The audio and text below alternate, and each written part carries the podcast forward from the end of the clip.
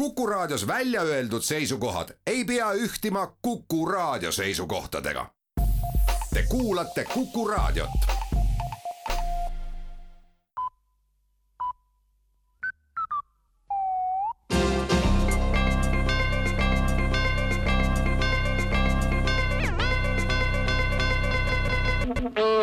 tere kuulama uudiseid stuudios Rohke Debelak justiitsministeeriumis on ettevalmistamisel seaduseelnõu, mille jõustumisel läheb edaspidi kogu detailplaneeringute ja arhitektuurikonkursside ja riigihangetega seonduv otse Riigiprokuratuuri kätte.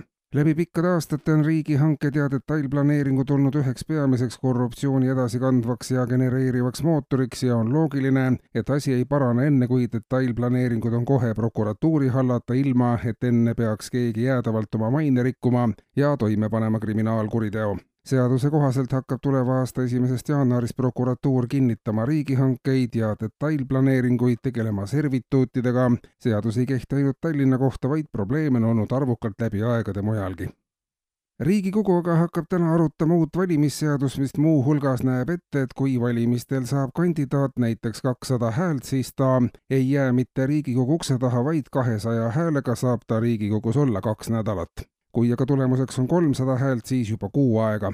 valijate hääled ei ole naljatamiseks, ei saa olla, et inimene teeb näiteks nalja või lihtsalt kogub erakonnale hääli ja Riigikokku lõpuks ei lähegi.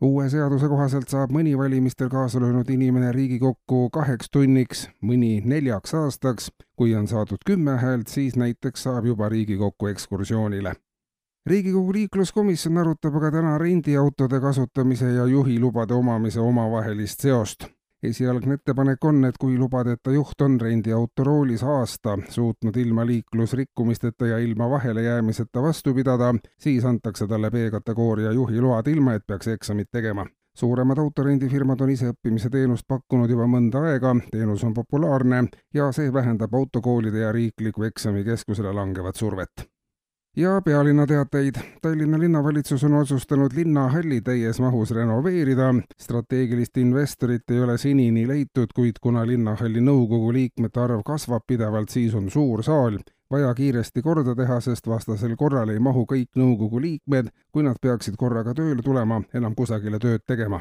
nii keerulise hoonekompleksi juhtimine, nagu linnahall seda on, vajab efektiivselt töötavat nõukogu, märgib linnapea. paljude välja pakutud tegevusvaldkondade kõrval ongi peale põhjalikke kalkulatsioone jäänud sõelale see, et renoveeritud linnahall jääbki kogu mahus ja ulatuses linnahalli nõukogu tööruumiks ja veel üks teade Toompealt. valitsus on otsustanud eilsel istungil muuta maski kandmise taas kohustuslikuks kõikides toidupoodides ja seda ühel kindlal põhjusel. nimelt maski kandva inimese aju saab pisut vähem hapnikku ja selle tulemusena on inimene hajameelsem ja vähem tähelepanelik ja järjest kasvavad hinnad ei jõua talle nii ruttu kohale kui hinnad veelgi tõusevad, tekib vajadus ka kahe maski kohustuslikuks muutmine. tagavaraks on ka päikeseprillide kandmise kohustus toidupoes nii tagatakse, et inimene ei näe midagi, ei saa ka hingata ja on lõpuks õnnelik, et poest välja sai ning ei igatse sinna enam iga päev ka tagasi. kuulsite uudiseid